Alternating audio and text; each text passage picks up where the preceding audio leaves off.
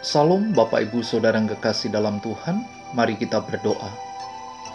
Bapa di dalam sorga, berikan ketenangan untuk belajar firman-Mu. Di dalam nama Yesus, amin. Tema renungan hari ini mengumpulkan harta. Matius pasal 6 ayat 19 berkata, Janganlah kamu mengumpulkan harta di bumi. Di bumi ngengat dan karat merusakkannya, dan pencuri membongkar serta mencurinya. Arti kata kumpul adalah bersama-sama menjadi satu atau kelompok tidak terpisah-pisah. Berhimpun, berkampung, berapat, berkerumun. Sedangkan kata mengumpulkan artinya membawa sesuatu dan menyatukan dengan yang lain agar berkumpul, mengerahkan, menyuruh, membuat supaya berkumpul, menjumlahkan. Arti kata harta adalah barang, uang yang menjadi kekayaan, barang milik seseorang, kekayaan berwujud dan tidak berwujud, yang bernilai dan yang menurut hukum dimiliki perusahaan.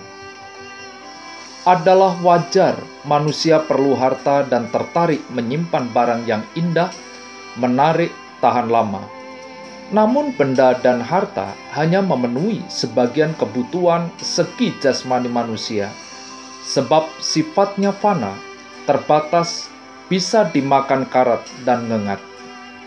Pemikiran duniawi merupakan gejala kemunafikan yang sama lumrahnya dan sama berbahayanya seperti gejala kemunafikan lainnya. Tidak ada dosa lain lagi selain dosa ini yang dengannya iblis dapat mencengkeram jiwa manusia dengan lebih erat dan lebih licik.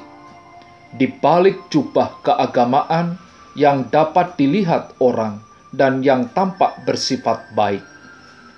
Oleh sebab itu, setelah Kristus memperingatkan kita agar tidak mendambakan kehormatan manusia, ia selanjutnya memperingatkan kita agar tidak mendambakan kekayaan dunia dalam hal ini pula kita harus berjaga-jaga supaya kita tidak menjadi seperti orang-orang munafik dan berbuat seperti yang mereka perbuat.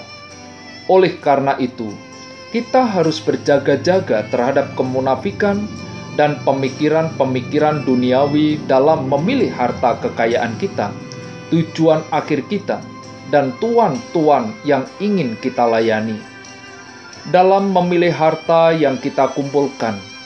Setiap orang mempunyai satu atau lain hal yang dijadikannya sebagai hartanya, bagiannya, tempat hatinya berada, tempat ia mengumpulkan segala sesuatu yang dapat ia peroleh, dan yang dijadikannya sebagai andalan untuk masa depan.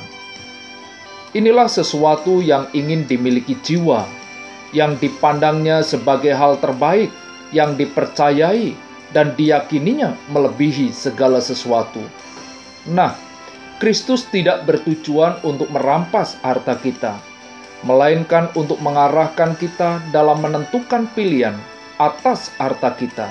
Dan di sini kita dapat melihat Yesus mengemukakan bahwa harta sejati yang harus dikejar tiap orang adalah Tuhan sendiri dan berbagai bentuk pelayanan kemanusiaan yang mempertegas sifat murah hati. Bagaimana sikap saudara tentang harta? Mari kita berdoa. Bapa di dalam sorga, kami bersyukur untuk setiap berkat yang Tuhan berikan. Pakai kami untuk menjadi penata layan yang bijak dan mau berbagi. Di dalam nama Yesus kami berdoa. Amin.